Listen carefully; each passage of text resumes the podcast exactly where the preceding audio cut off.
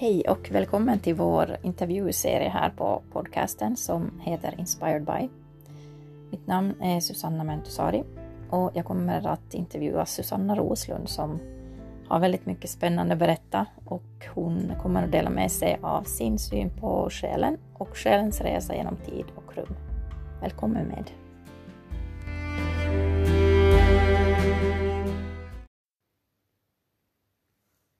Välkommen till avsnitt 4. Eh, idag så ska Susanna berätta mer om vad hon gör och hur hon jobbar med människor och med familjeträdet, som det kallas. Så ja, vi kör igång. Varsågod Susanna. Hej igen! Hej på dig igen Susanna! Och eh, alla som lyssnar naturligtvis. Mm. Idag, vad ska vi göra på vår resa idag? du ville att jag skulle prata lite om, om vad jag gör, vad jag gör idag. Och, ehm, och det består ju av ehm, två olika grenar egentligen. Så där den ena grenen handlar om att eh, föreläsa, att berätta om mm, dessa skeenden, vad som nu försiggår varifrån vi kommer och vad är, eh, vad är grejen med att befinna sig här etc. Och den andra, det handlar ju då om att, att jobba med, eh, med människor och hjälpa dem att hitta sin egen läkning. Och eh, jag antar att du vill att vi ska prata just om den, den mera personliga grenen idag. Och det kan vi göra, men jag, för, att, för att förklara det här så måste vi ju gå lite tillbaka i tiden så man kan förstå hur jag kom mm, fram till det här. Um, som ni nu redan vet så har jag då jobbat uh, många år som konstnär. Och um, det arbetet um, har alltid haft flera funktioner för mig. För det första att arbeta mm, med någonting fullständigt eh, kreativt är ju att, att dagligen skapa en fysisk bild av var man befinner sig just i det ögonblicket. På just denna inre resa. Och det är ju ohyggligt intressant. Men det var inte det vi skulle prata om idag.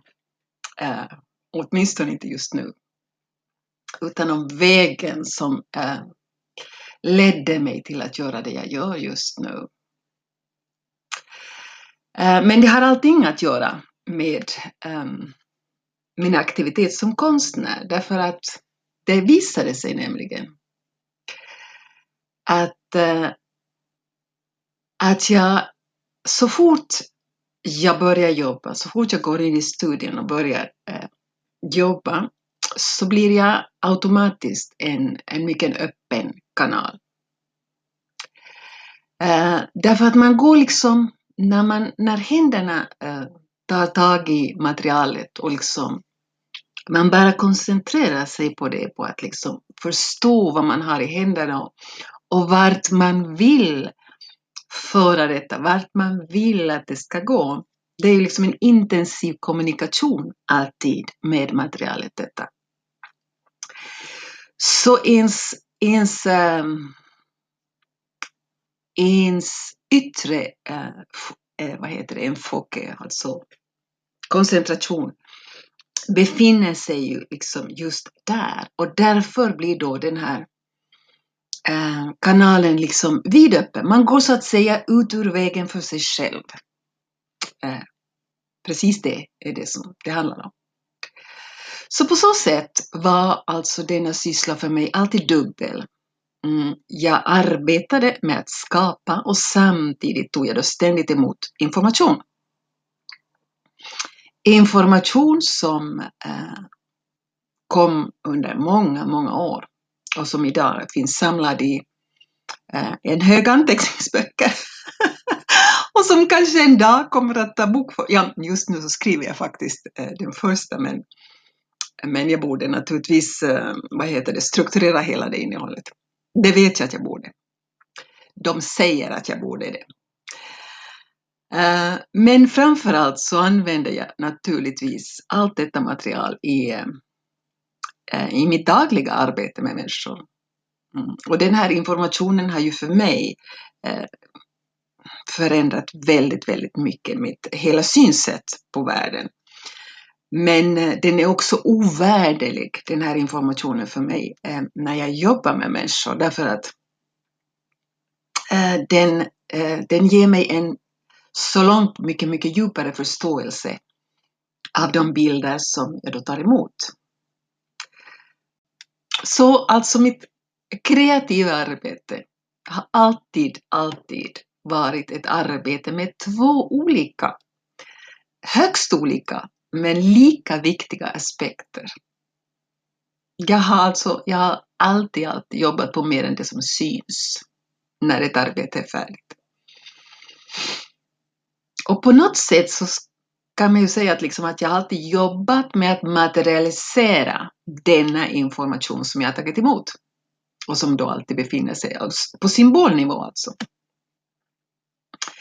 Uh, ja, just det. det. det. är väldigt viktigt att förstå att på denna högre nivå, där mina guider finns, uh, dessa som då ger mig den här informationen, mm, jobbar alltså man bara, man jobb, där deras språk är symbolspråk.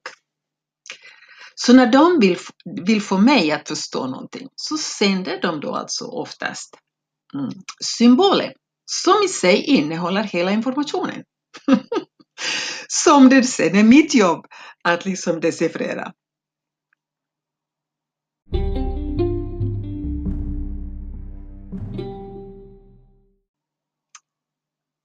Och för att, för att, för att ta ett exempel så, så att ni kan begripa hur det här går till ungefär.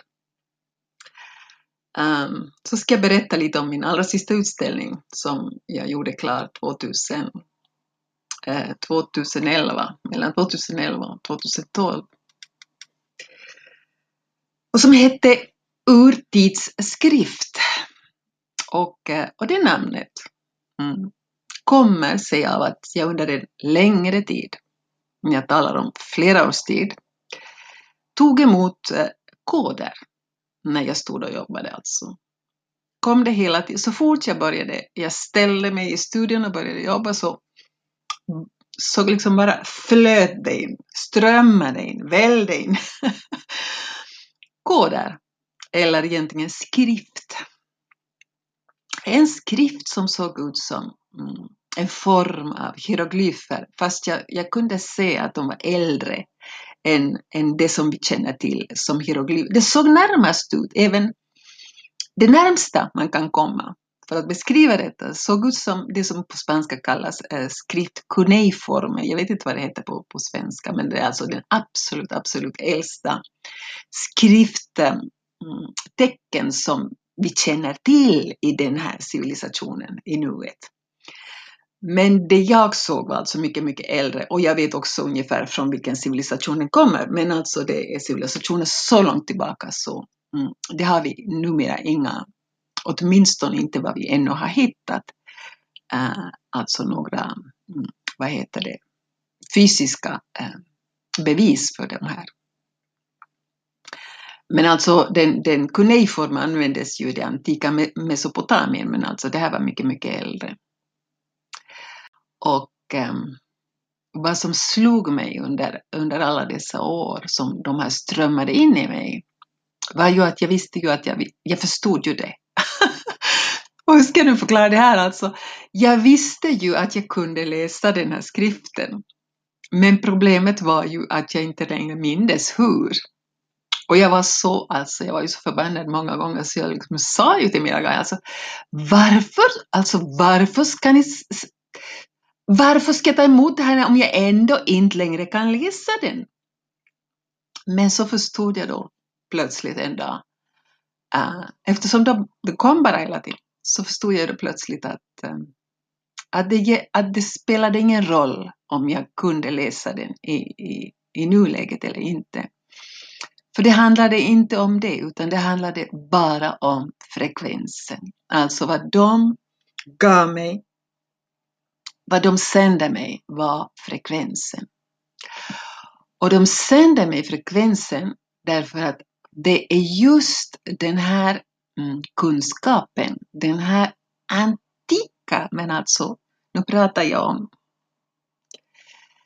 mycket, mycket länge, alltså den riktigt, riktigt gamla kunskapen som har funnits på den här planeten. Som just nu håller på, eller åtminstone de senaste 20 åren, har, har liksom varit i en ständig aktivering därför att just den här kunskapen är den som vi behöver idag. Och det är, en mycket, det är alltså en mycket, mycket, mycket, mycket högre kunskap än den vi har eh, just nu på vår planet. Okej, okay. så där stod jag då eh, och eh, var ganska ilsken faktiskt för att mm, för att jag liksom, jag kände mig ganska korkad att jag inte kunde förstå det. Men hur som helst så um, började jag då uh, arbeta på den här uh, utställningen som jag nu pratar om, den sista, allra sista jag gjorde. För sen efter det så har jag liksom bara jobbat med, med människor och, uh, och att föreläsa. Men eh, när jag då satt, när jag då stod och gjorde den här utställningen så ehm, begrep jag eh, redan då när jag gjorde den att liksom, det handlade om en, en symbol, alltså det handlade om att eh, ta ner en symbol helt enkelt. Och eh, vad de ville att jag skulle sätta in i den utställningen var just den här balanseringen som um, balanseringen av det maskulina och det, och det feminina som vi eh, alla, alla befinner oss i just nu. För när, vi, för när vi lyckas nå denna balans, när vi äntligen lyckas nå denna balans på kollektiv nivå, då kommer vi då alltså äntligen att kunna gå in i den här nya eran som, som rent officiellt börjar nu, men vi har ju liksom, det är ju vårt eget jobb att lyckas, var och en av oss, att lyckas eh, skapa denna nya verklighet. Men just nu alltså så står vi eh, på tröskeln till, till detta nya. Därför är det också så fantastiskt att, att befinna sig här och nu. Alltså det är verkligen fantastiskt. Men som sagt, den här balanseringen är alltså individuell. Det är ett inre arbete som var och en av oss måste ta itu med. Och då, mina guider där uppe sa då att jag skulle mm, arbeta blått med två färger, nämligen vitt och svart. Ett av dem skulle symbolisera det feminina och det andra det maskulina och att summan av dessa skulle vara guld. Guldfärgat alltså. Det vill säga på symbolisk nivå var det här då den alkemistiska mm, vad heter det, fulländningen. För det är ju just det här som alla antika alkemister äh, arbetade med. Att förvandla en icke-ädelmetall till guld.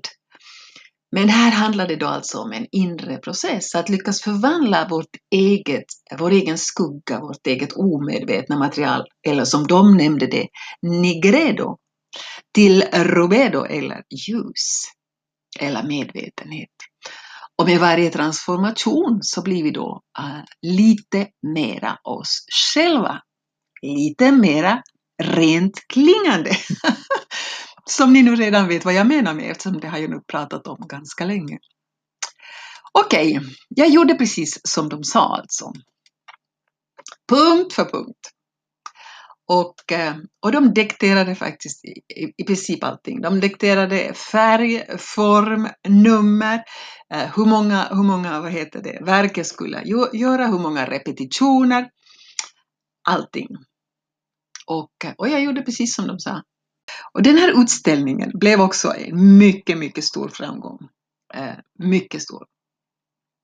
eh, även om, om eh, naturligtvis ingen begrep vad som syftet som fanns låg bakom detta. Men det var faktiskt, av sin egen kraft så, så kom den till oerhört många ställen. Alltså, som jag, jag, så där ser man verkligen liksom hur, hur, ens, eh, hur ens egen, eh, hur ens egen vad heter det, ekipo, alltså hur, hur ens egna eh, hjälpredare där uppe liksom bara öppnar vägen när, det, när de vill det, när de tycker att det är behövligt. Men vad var det då som detta arbete uttryckte? Eh, det var ju då naturligtvis symboliskt, denna förvandling. Att, att, eh, att just denna förvandling som vi alla borde eh, lyckas med. Och därför att just bara genom denna förvandling kan vi då höja vår egen frekvens. Och så småningom med varje person som lyckas höja sin egen frekvens eller komma i, i vad heter det, i mm, harmoni med sig själv mm, kommer då också den kollektiva frekvensen så småningom att börja höjas.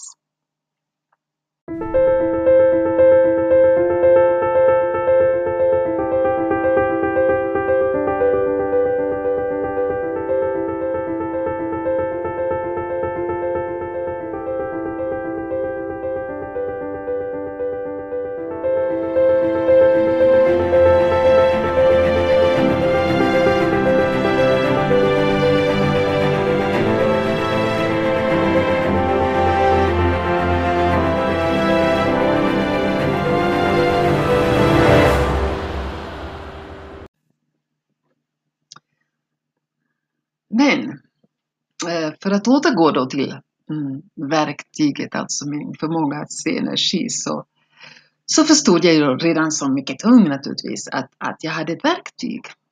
Och inte ett så vanligt verktyg. Problemet var ju att det hade kommit utan eh, bruksanvisning så att säga. Och dessutom var det så ovanligt att det faktiskt inte fanns någon som kunde säga mig hur Jag förstod faktiskt, jag förstod faktiskt väldigt ung att det skulle vara till nytta för mina medmänniskor. Det hade jag väldigt, väldigt klart. Men för, frågan var ju just hur. Men som alltid, svaret kommer vanligtvis av sig självt och på helt andra, helt andra vägar. Och det i mitt fall kom det då 2002, då livet eh, levererade två absolut övermäktiga mm, traumen, eh, övermäktiga sorger som eh, kom med bara tre månaders mellanrum. Och när livet slår en i magen med sån kraft så tappar man vanligtvis både andan och livslusten. Man känner sig nämligen, man eh, när ett, ett trauma är så stort så att man blir liksom, eh, vad heter det, förstenad, eh, så känner man eh, sig halvt levande och det är man ju också därför att så länge man inte lyckas läka det så är man verkligen bara halvt levande. Och det här, det här har vi faktiskt inte heller någon bra förståelse av eh, idag, vad ett stort trauma gör med ens energi. Och det kan ta väldigt lång tid uh, att komma tillbaks till livet. Att man liksom orkar ta sig tillbaks till livet. Och det här kan bara de människor förstå alltså, som har gått igenom någonting liknande. Man måste alltså gå igenom det. Det är ingenting man kan teorisera om. Men det finns ju också en annan aspekt av stor sorg och det är, mm, det är, tror jag faktiskt, Uh, vår själs sätt att förvandla oss. Uh, att sätta oss liksom över smärtans långsamma låga och uh, där, just där, så bränner man då samtidigt bort bråtet. Det här som vi vanligtvis alla bär på. Och även Även om detta gör oändligt ont och jag inte önskar det till någon överhuvudtaget, så tror jag faktiskt att stor smärta är nödvändig för att processen ska inledas. Att denna process, att bli sig själv, liksom fjärilen måste gå igenom sin puppa-stadie. Och vi vet inte hur den känner sig där inuti.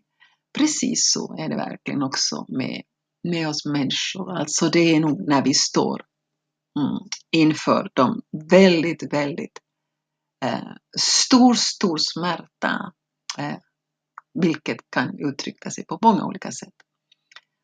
Då, eh, då börjar verkligen den här processen ta vid och mycket, mycket effektivt.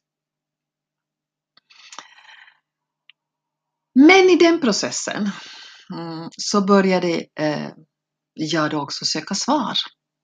Jag ville inte bara leka. Jag ville ha svar. ja, det, det ville jag verkligen. Alltså, jag, eh, under några år var jag väldigt, väldigt, väldigt upprörd. Verkligen upprörd. Och jag, jag hade svårt att, att se vad, vad så stor smärta skulle vara nyttig till. Uh, idag förstår jag det naturligtvis helt och hållet. Men det förstod jag inte då, därför att naturligtvis, om jag hade fortsatt med, eh, med vad heter det, med den aktivitet jag höll på med som jag ju var oerhört glad i, oerhört Mm, älskade ju detta, så skulle jag naturligtvis aldrig ha mm, börjat med det jag hade, alltså vi kommer alla till livet med en uppgift. Man skulle kunna säga att vi liksom skriver ett kontrakt redan innan vi kommer och eh, att vi har en uppgift. Eh, någonting som vi försöker eh, som det är tänkt att vi ska utföra den här gången också. Förutom att liksom skapa nya världar, förutom att leka den här uppgiften som jag nu redan har berättat om. Men vi kommer alltid in också för att, eh, för att ta tag i vår egen eh, grundkunskap. Mm, för att ta tag i vår egen grundkunskap och eh, mm, lyckas föra den till en annan, mm, till en annan eh, oktav än sista gången vi var här.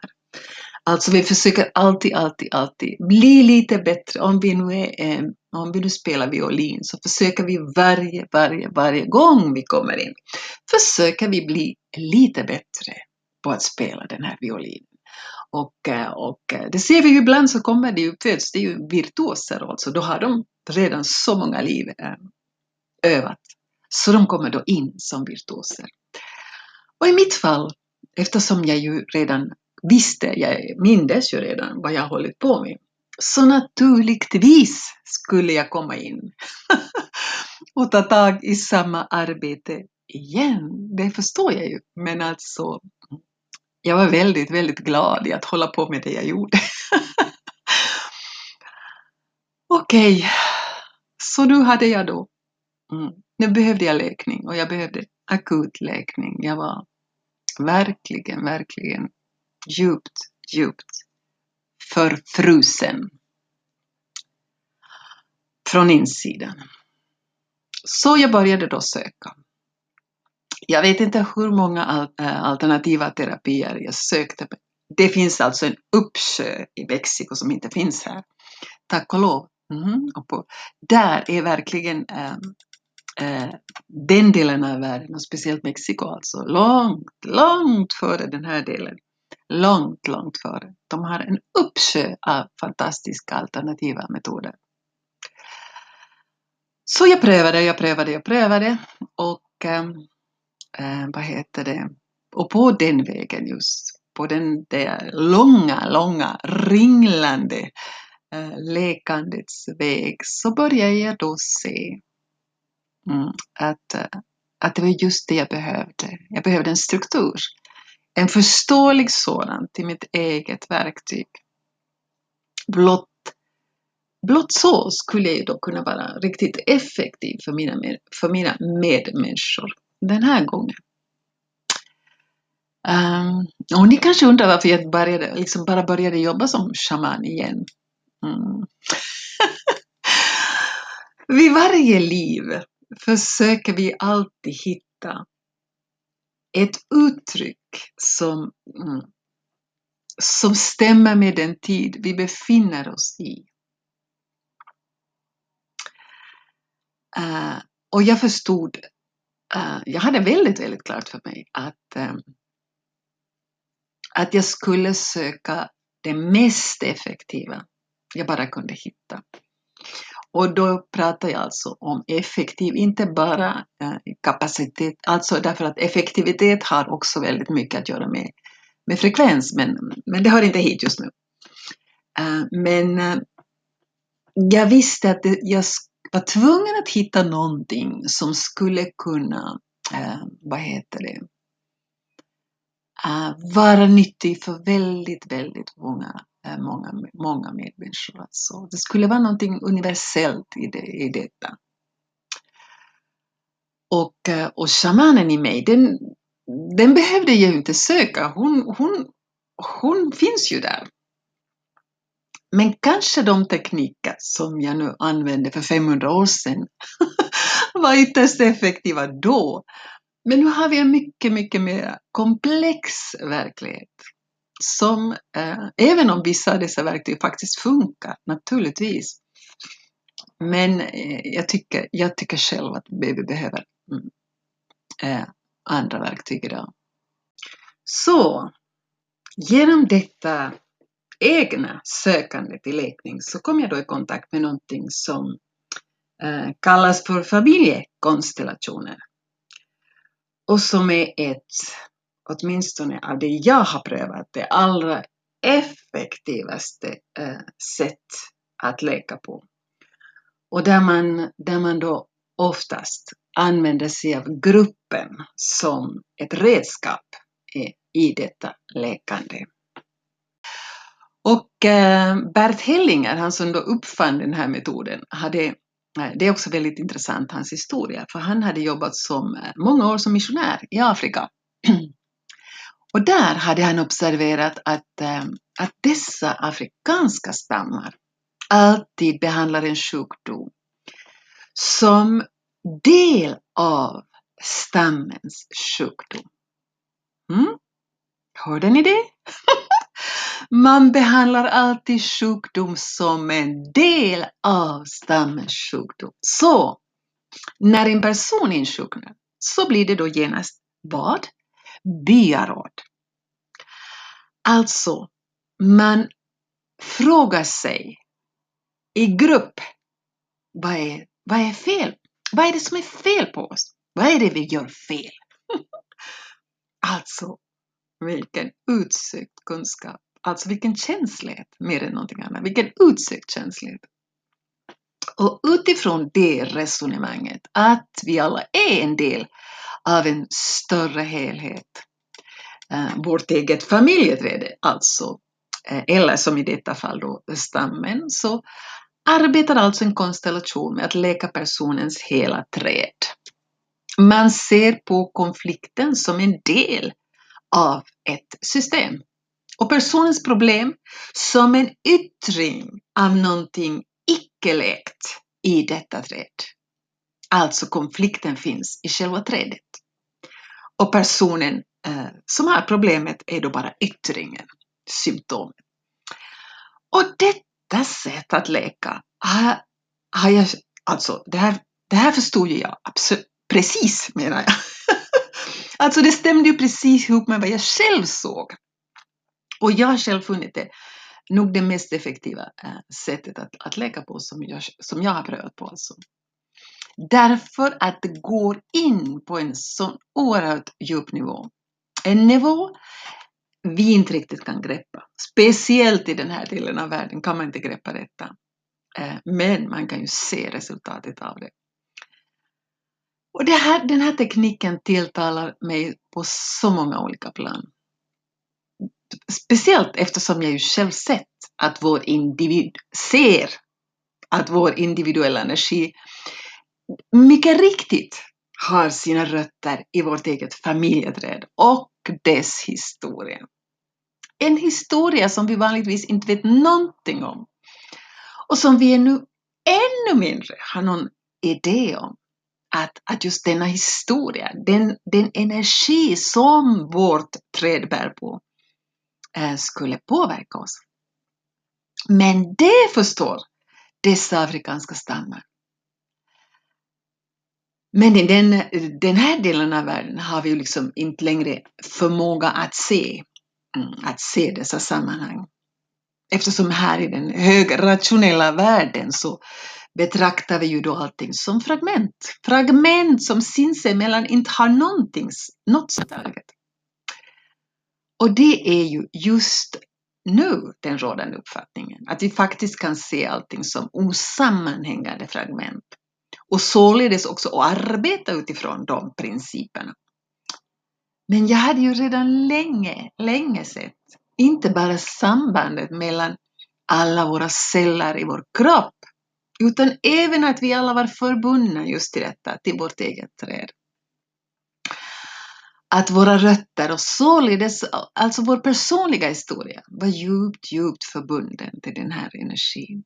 Så vad den här tekniken då gav mig var att veta hur man läkte dessa trauman som alltid finns i våra stamträd och som alltid påverkar oss tills någon läker den, vill säga.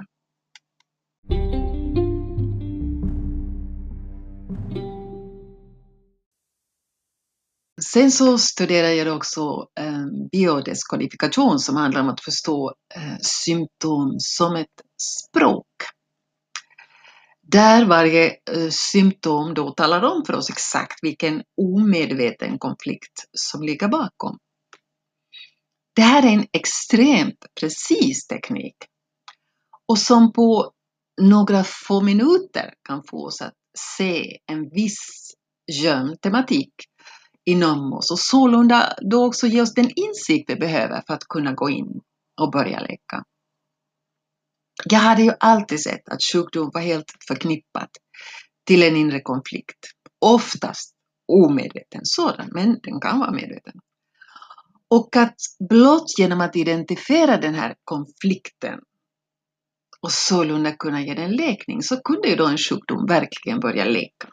Från insidan ut, som det ju alltid borde vara. Naturligtvis har vår yttre miljö också en inverkan, men den egentliga orsaken är nästan alltid den emotionella konflikt som vi inte lyckats lösa. Ifall vi skulle stå i fullständig samklang med oss själva så vore, i princip, eh, vore det i princip omöjligt att bli sjuk. Ifall vår vibration står i total harmoni med den vi är, på essensnivå alltså, då har vi en absolut immunitet mot sjukdom. Så sjukdom är inte en fågel som kommer och sätter sig på axeln från ingenstans.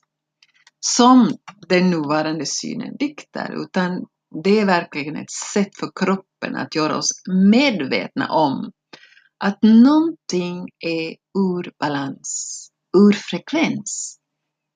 Att det finns en inre konflikt som söker läkning. Så all sjukdom borde verkligen uppfattas som vad det är, ett kroppens sätt att kommunicera någonting till oss. Det finns någonstans i vårt system en obalans som vi inte lyckats rätta till. Och den här inre konflikten försöker så vår kropp, vår fysiska del, rätta till.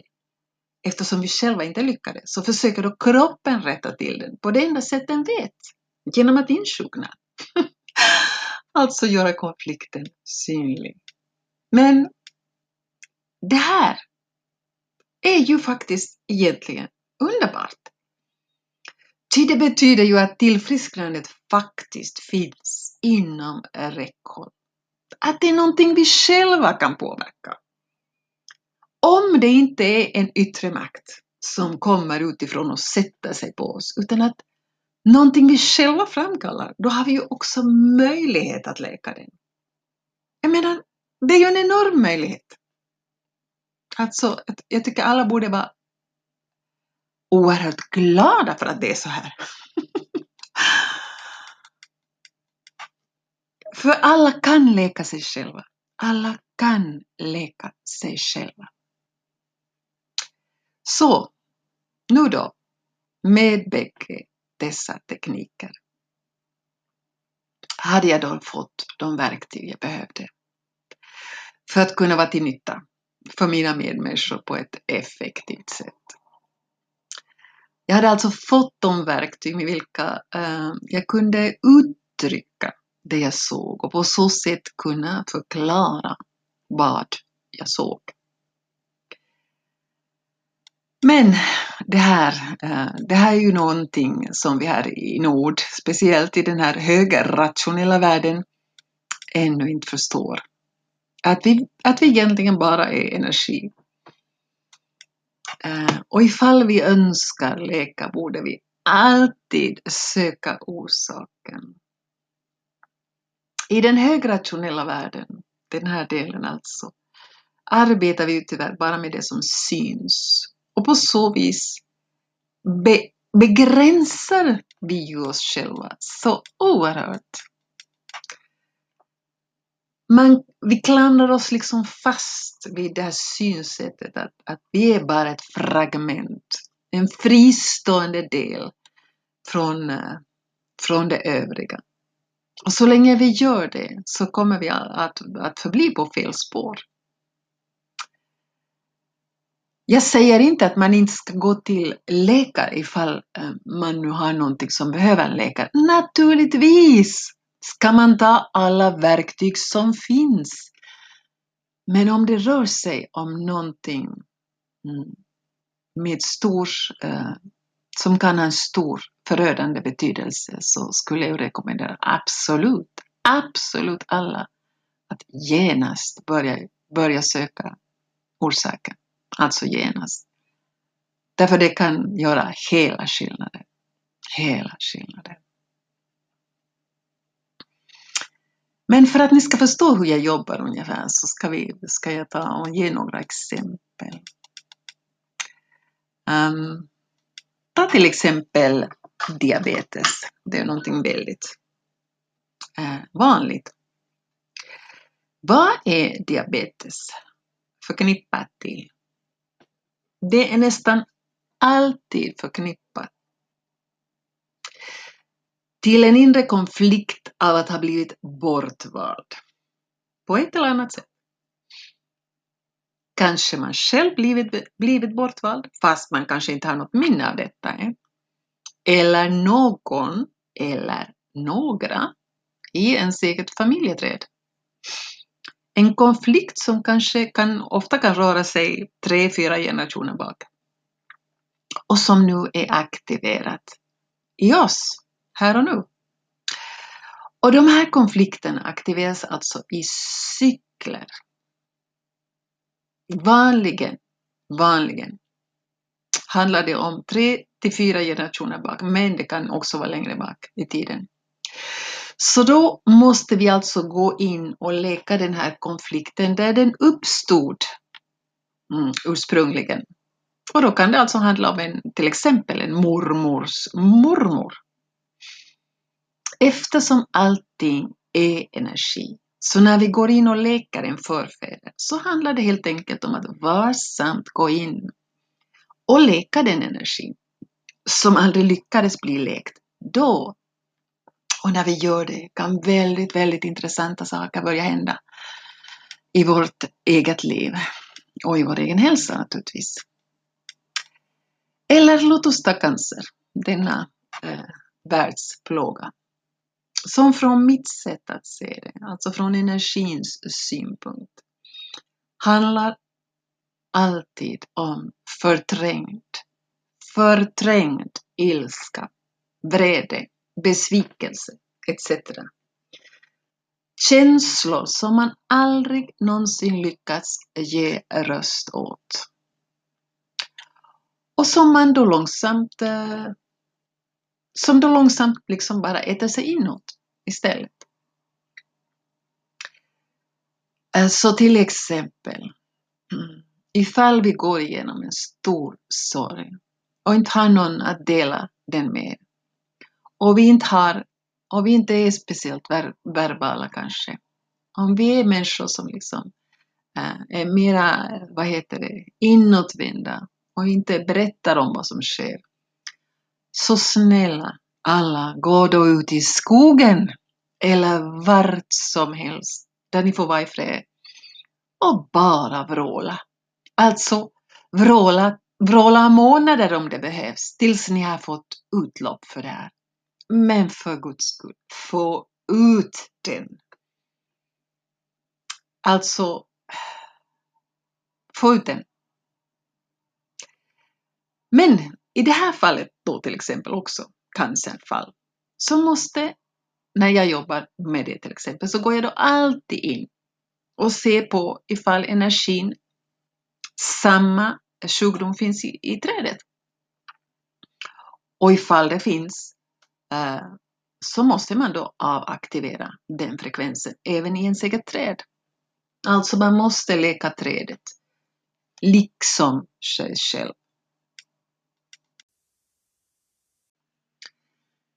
Men det handlar inte nödvändigtvis alltid om sjukdom. Det kan ju handla om en oläkt konflikt av annat slag. Jag menar, det vill säga till exempel våra förfäder hade en tendens, precis som idag alltså, att gömma undan allting som de ansåg skamligt för deras samtid.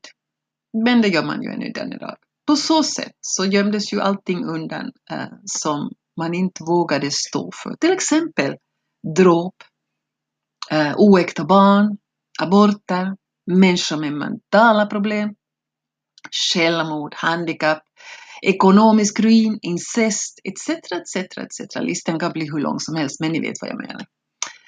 Det vill säga, man gömde undan allting som samhället vanligtvis fördömer. Men vad händer med den här energin? Den blir så att säga fast. Den ligger oläkt och pyr som en vulkan där under ytan och eh, väntar på eruption. Den vill, den söker alltså läkning. Och den, den här energin eh, aktiveras, som jag redan sa, ungefär var tredje, fjärde eller ibland även fem generationer efter att, att eh, det skedde. Alltså den läker inte automatiskt i och med att dessa människor eh, dör, utan energin finns fortfarande kvar. Och eftersom vi som nu finns här är frukten av samma träd så är vi då alltså alltid förbundna till den här energin. Och vi står i frekvens eh, med en viss problematik. Inte med all problematik som finns i vårt träd. Man kan säga att vi står i frekvens med den problematik i vårt träd som, som står i frekvens med den eller de konflikter som vi själva kommit in till livet för att söka lösa.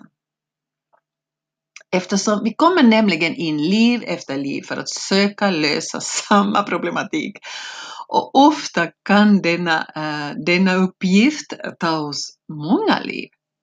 Vi kommer alltså tillbaka till samma situation om och om igen för, oss, för att hitta en lösning.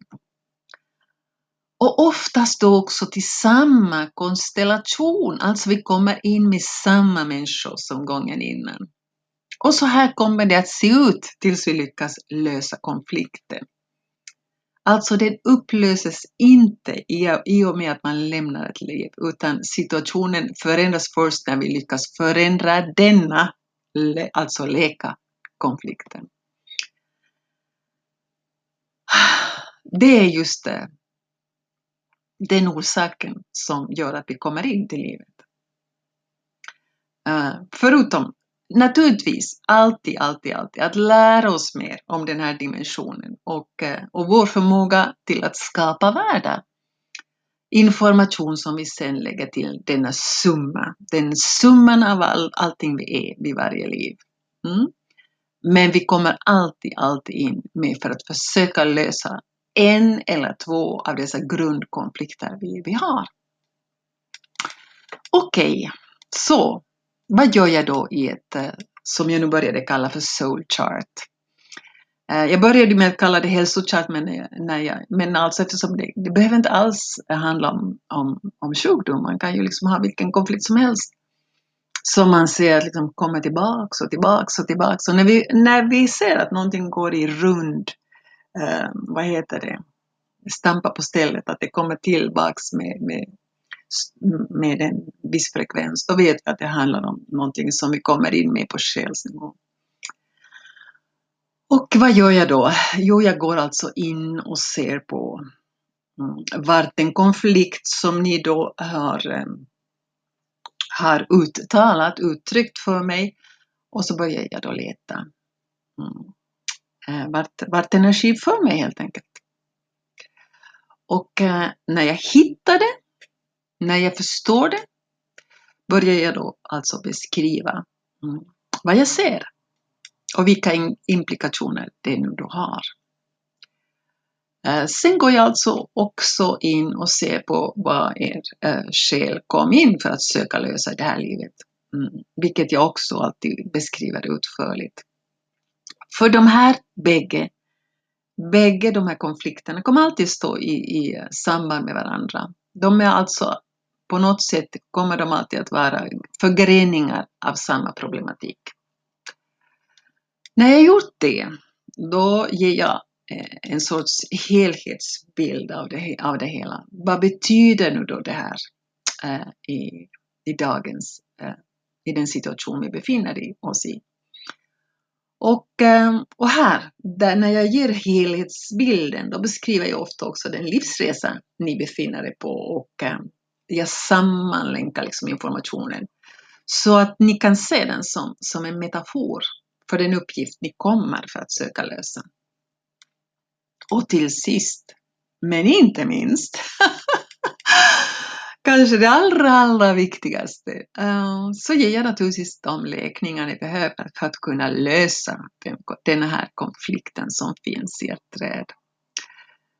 Och eh, det, jag, vill också, jag vill också förklara att stora delar av alla chart jag gör så är alltså kanaliserad information. För när jag sätter mig ner och börjar jobba med en chart så tillför jag ju eh, min egen eh, vetskap, allting det jag själv ser.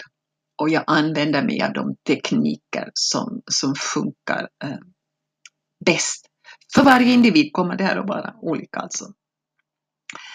Men mycket, mycket information tillkommer alltid via mina guider som, um, som alla som redan jobbat med mig vet att jag har en mycket nära och något, något intensiv kommunikation med. Um, ibland så um, vad heter det, kan informationen faktiskt vara så abstrakt till karaktären att inte ens jag förstår den. Men oftast så kan jag översätta den Ehm, till någonting, till någonting som är förståeligt för klienten. Men oberoende av, oberoende av, så ifall man förstår den eller inte, så fungerar alltså chartet på frekvensnivå i vilket fall som helst. Och vad jag börjar se är att eh, det är en form av kvantumlekning. Eh, det vill säga ett, ett, ett soulchart arbetar på många, många olika plan samtidigt. Men naturligtvis, needless to say, eh, är ju att ingenting av det här funkar ifall man bara läser igenom det en gång och sen aldrig utför någon, någonting, några av de läkningar jag ger.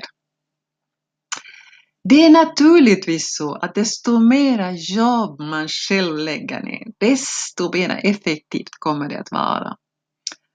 Och som jag redan säger, alltså varje chart är högst individuellt.